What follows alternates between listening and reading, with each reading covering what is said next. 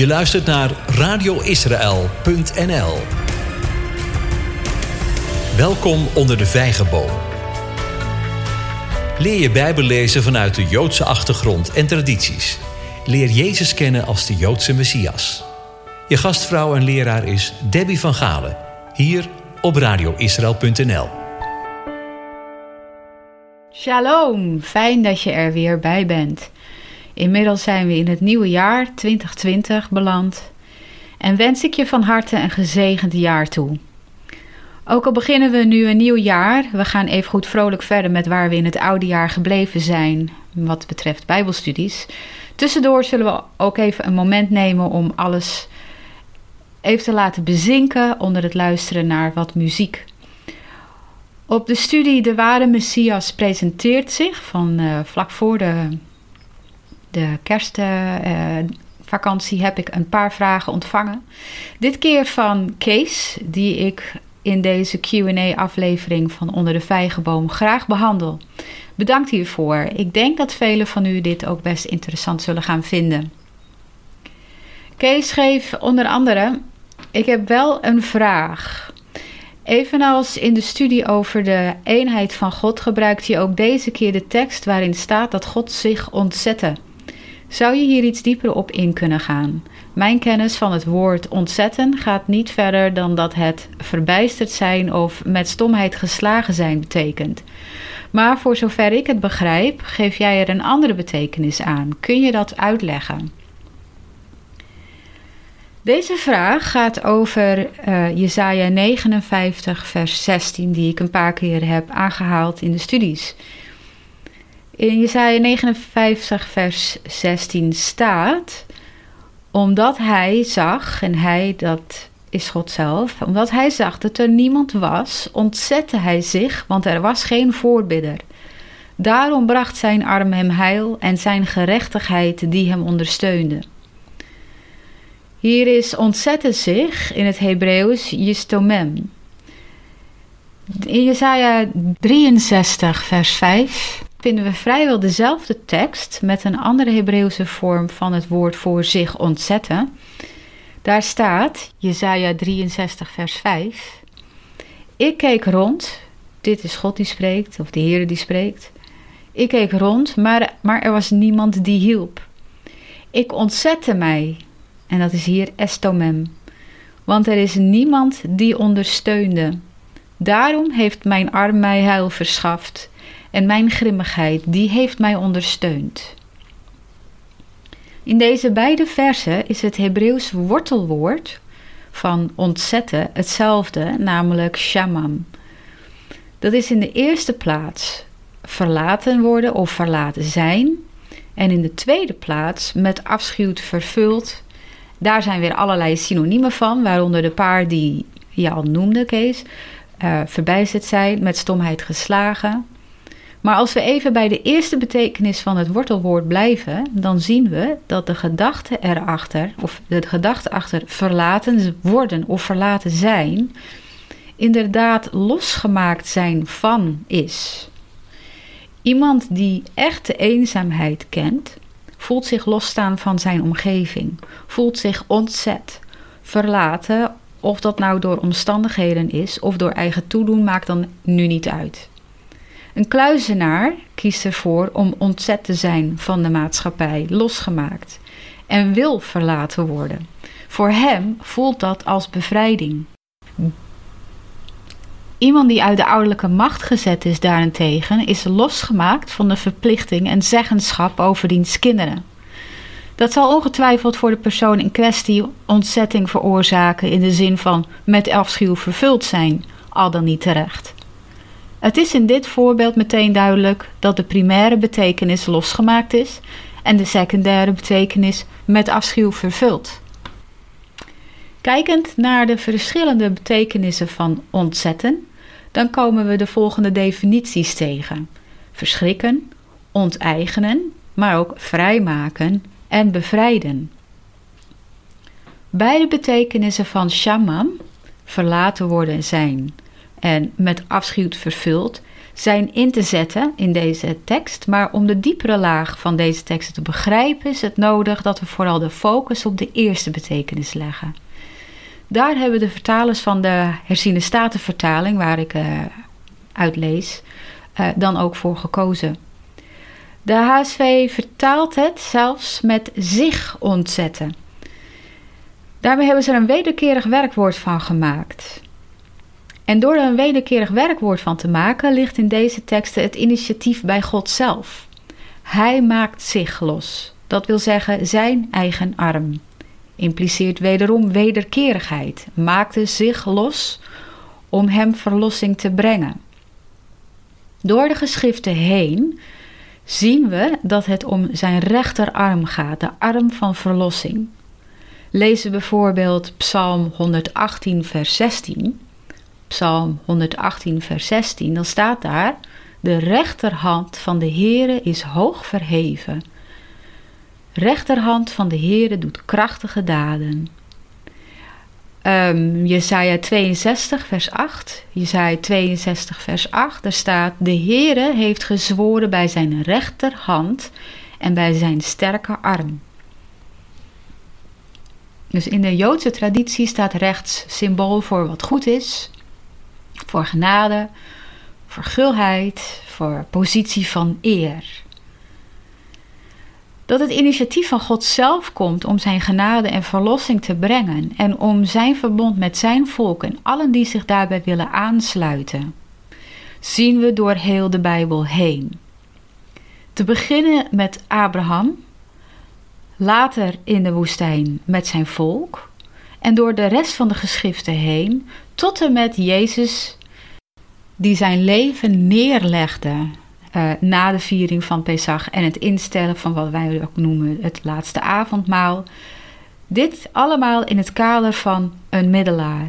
Verzoening door de schepper met zijn schepping en met name met de mens. Deze vertaling past dus ook het beste in de context van de rest van de tekst, dus Jesaja 59 vers 16 en ook in de rest van de Bijbel. In de klassieke Hebreeuwse teksten zien we verder heel vaak dat de eerste gedachte, vaak in setjes van twee regels weergegeven in onze Bijbel, in hetzelfde stramien nog eens wordt onderstreept, uitgelegd of onderbouwd in de gedachte die erop volgt om het contrast te verduidelijken, dat noemen we dan een antithese, of om met opzet te herhalen, dat zijn dan synoniemen. Dit wordt ook wel parallelisme genoemd een onmisbaar element waarmee de Hebreeuwse poëzie en profetieën doorspekt zijn. Het dient om structuur te geven aan de tekst, niet om te willen rijmen. We gaan even een paar voorbeelden nemen. De, e-, het eerste voorbeeld vind je in 2 Samuel 20 vers 1. 2 Samuel 20 vers 1. Daar staat: Wij hebben geen deel aan David. Wij hebben geen erfelijk bezit met de zoon van Isaï. En dat vers gaat dan nog verder, maar we gaan even hier over deze twee regels. De parallellen in deze twee regels zijn hier makkelijk te zien. We hebben geen deel, deel, en geen erfelijk bezit. Dus deel is parallel aan erfelijk bezit. En het andere is David is parallel met de zoon van Ishaï. Een ander voorbeeld vinden we bijvoorbeeld in Spreuken 3, vers 13 en 14. Spreuken 3, vers 13 en 14.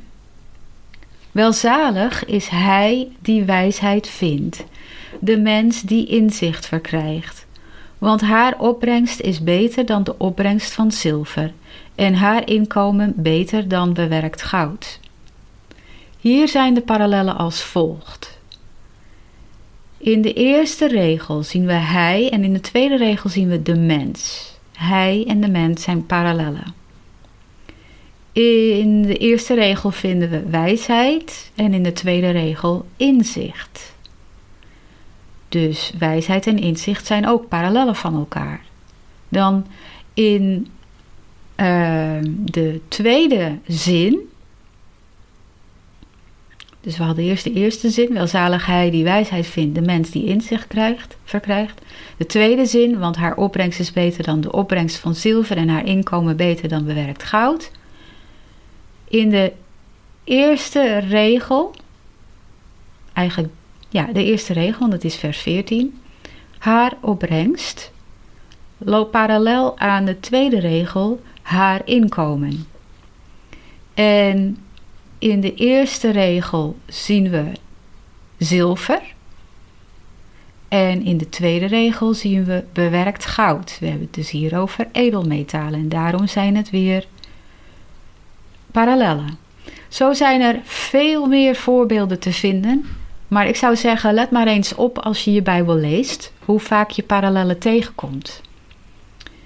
In zowel Jesaja 59 vers 16 als 3, 63 en 5, vers 5 zien we respectievelijk de volgende parallellen. Er was niemand is parallel aan er was geen voorbidder. En niemand die hielp is parallel aan niemand die ondersteunde. Dus er was niemand, er was geen voorbidder, hoort bij Jesaja 59 vers 16. En bij Jesaja 63 vers 5 horen we, hoort niemand die hielp, parallel aan niemand die ondersteunde. Gaan we verder in, dat, in die twee versen. Jesaja 59 vers 16, daar is ontzette hij zich, parallel aan bracht zijn arm hem heil. Daar zit allebei wederkerigheid in. En in vers 63, vers 5 zien we ontzetten, ik ontzette mij, wat parallel is aan mijn arm mij heil verschaft. Even geciteerd. Verder zien we in 59 vers 16 heil is parallel aan gerechtigheid.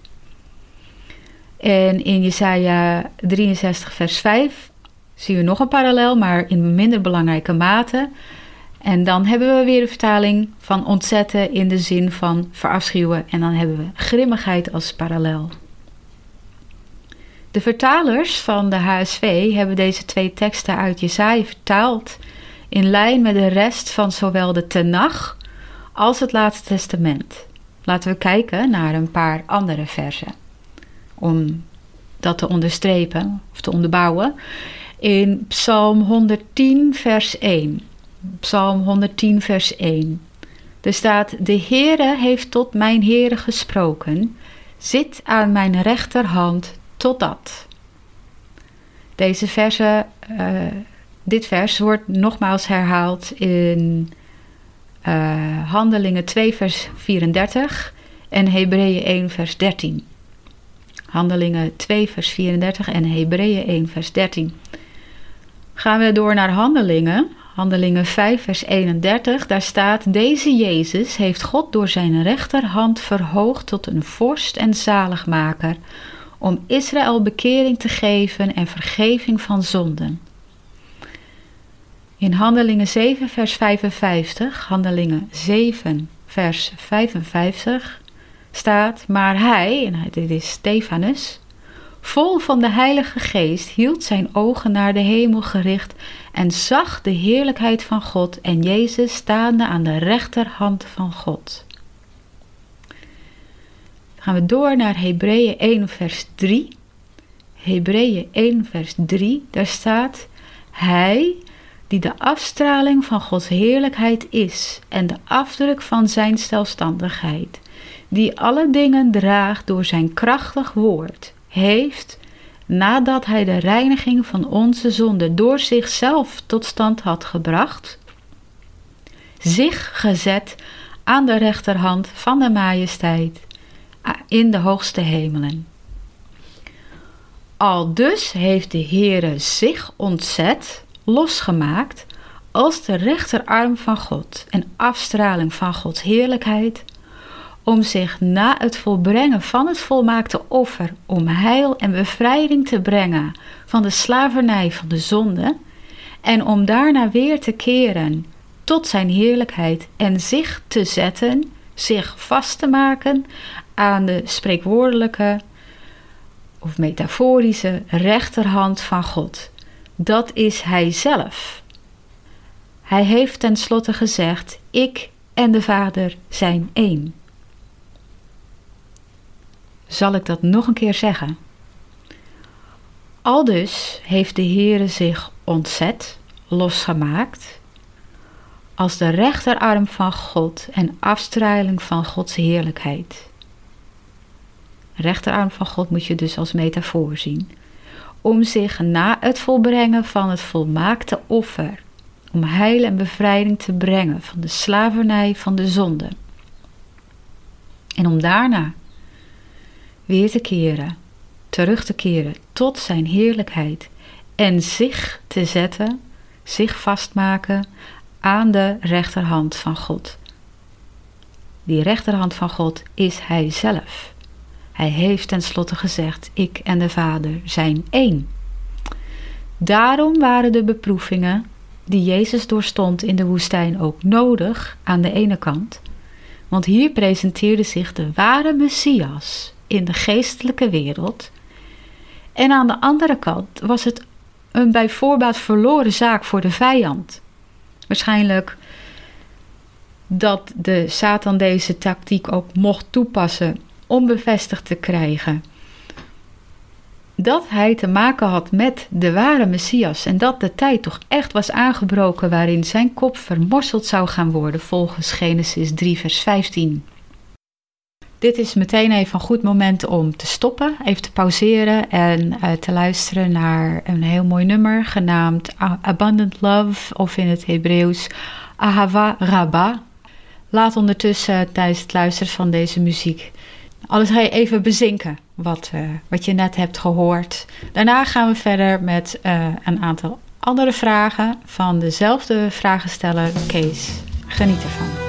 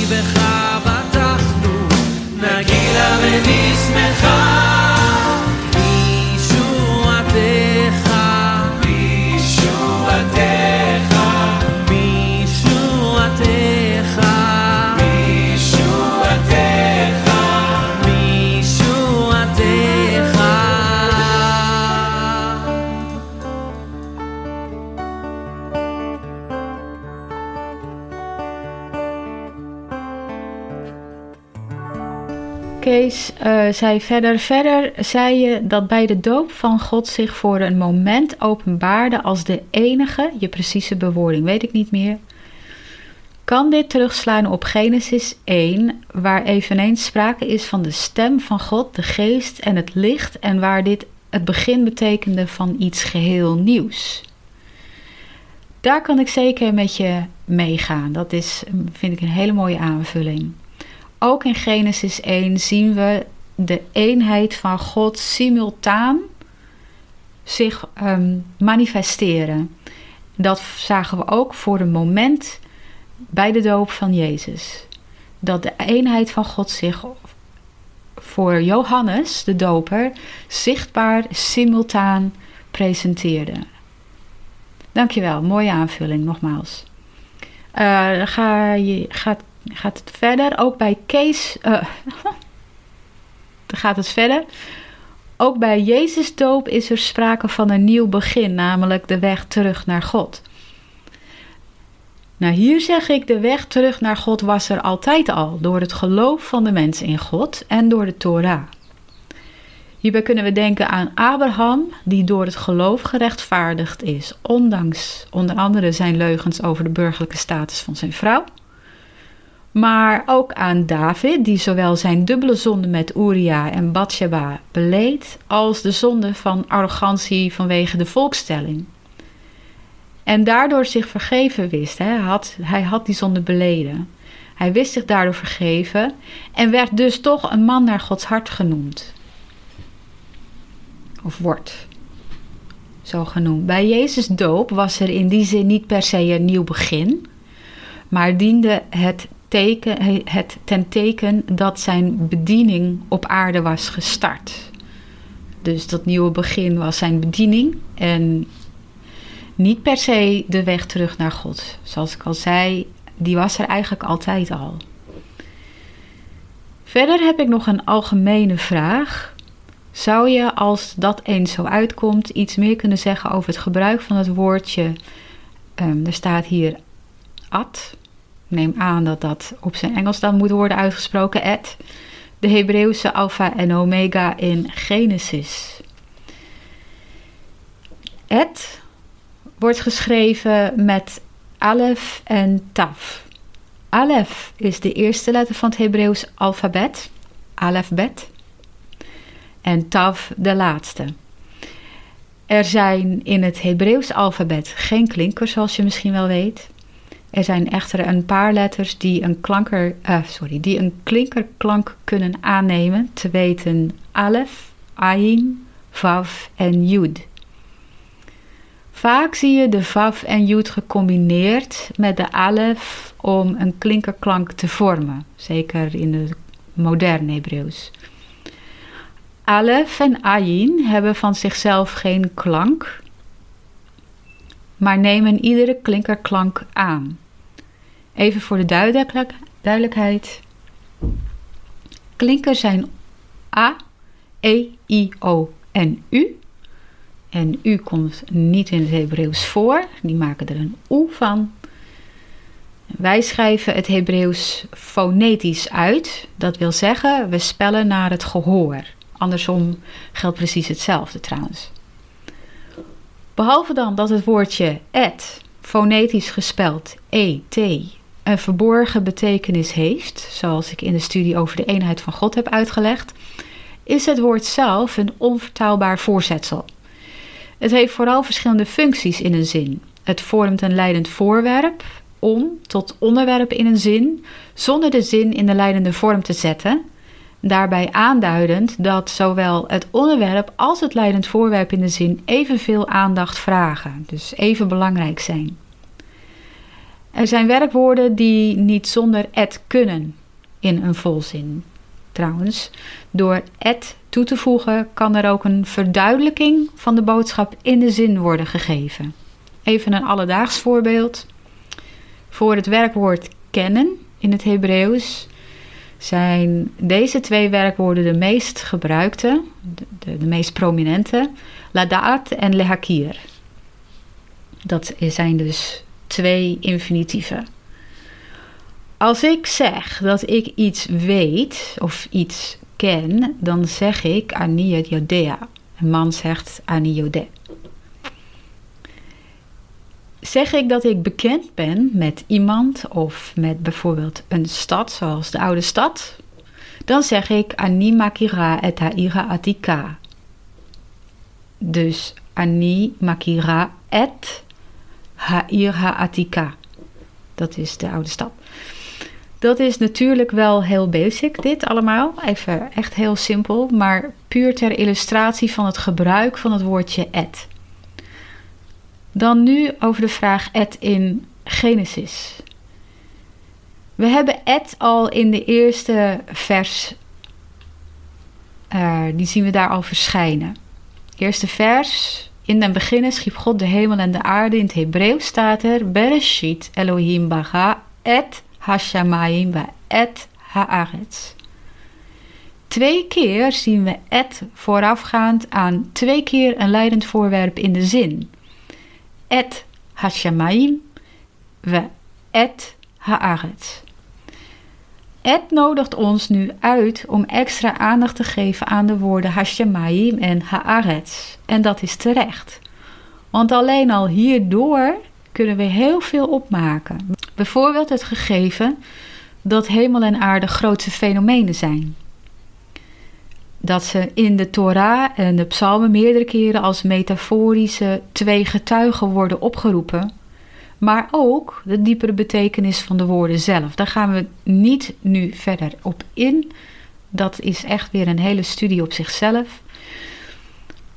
De rabbijnen waarschuwen de mysteries niet te veel willen onderzoeken. De mysterie van het ontstaan van het heelal. Omdat dat een mens tot waanzin kan drijven. Is ook daadwerkelijk voorgekomen. Oneindig filosoferen over de vraag wat er was voordat de hemel en aarde bestonden of waarom de hemel niet eerder of later is geschapen, zijn voorbeelden daarvan. Echter, de uitnodiging om de woorden op waarde te schatten en te beseffen dat Elohim de veroorzaker is van het universum, omdat hij het heeft gewild, die is prachtig. En die nemen we aan. Een ander voorbeeld dat we al vroeg in Genesis zien, ligt in Genesis 4, vers 1 en 2. Ander voorbeeld van het gebruik van et. Genesis 4, vers 1 en 2 er staat: En Adam had gemeenschap met Eva, zijn vrouw, en zij werd zwanger en baarde Kain, en zei: Ik heb een man van de Heere gekregen. En zij baarde opnieuw zijn broer Abel. Abel werd herder van kleinvee en Kain werd bewerker van de aardbodem. Die laatste zin is voor deze um, studie, korte studie, niet belangrijk. Wel de eerste twee. In het Hebreeuws zien we hier iets heel bijzonders gebeuren, namelijk de verschijning van het woordje et in combinatie met de geboorte van beide zoons. Eerst staat er en baarde Kain dat is in het Hebreeuws veteled et Kain. Et Kain. En dan over Abel. Zij baarde opnieuw zijn broer Abel. In het Hebreeuws is dat laledet et achiv et havel. Laledet et achiv et havel. Waarom één keer et bij Kain en twee keer bij Abel? De functie van et in deze zin is volgens Joodse traditie om betekenis toe te voegen aan iets, in dit geval door elke keer dat het woord wordt gebruikt. De Joodse geleerden maken hieruit op dat Kain een tweelingzus had. Dus et zou duiden op een dochter dat geboren werd tegelijk met Kain. En Abel deel uitmaakte van een drieling met twee zusjes, twee keer Ed. Eva schonk volgens deze theorie dus relatief kort na elkaar het leven aan vijf kinderen. Uiteindelijk hebben Adam en Eva volgens Joodse traditie 26 kinderen op de wereld gezet, waarbij volgens de Torah de derde zoon Seth pas geboren werd toen Adam 130 jaar oud was, geteld vanaf de zondeval. Waarom noemt de Torah dan alleen Kain, Abel en later Seth als zonen van Adam en Eva, gezien het aantal kinderen wat ze volgens tradi Joodse traditie op de wereld hebben gezet?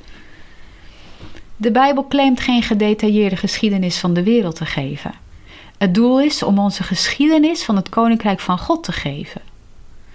Dat zeg ik nog een keer. Het doel is om een geschiedenis van het Koninkrijk van God te geven. En beschrijft daarom alleen zulke personen en gebeurtenis, uh, gebeurtenissen die nodig zijn om dat doel te bereiken. Of, om met de woorden van de apostel Johannes te spreken, als alles was opgeschreven wat er gezegd en gedaan was en door wie, dan was de Bijbel niet te tillen geweest. Laat staan te vertalen en te verspreiden over de wereld, en dan zou het zijn doel toch echt voorbij hebben geschoten.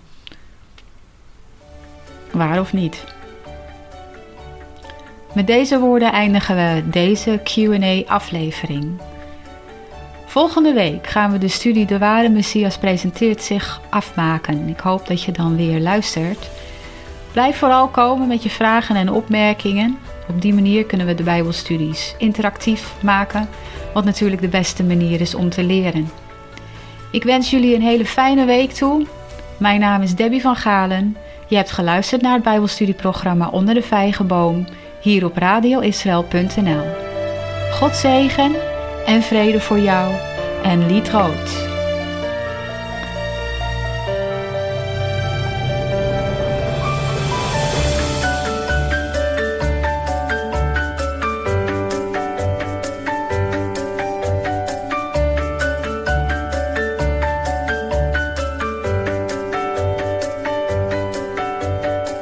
Je luistert naar radioisrael.nl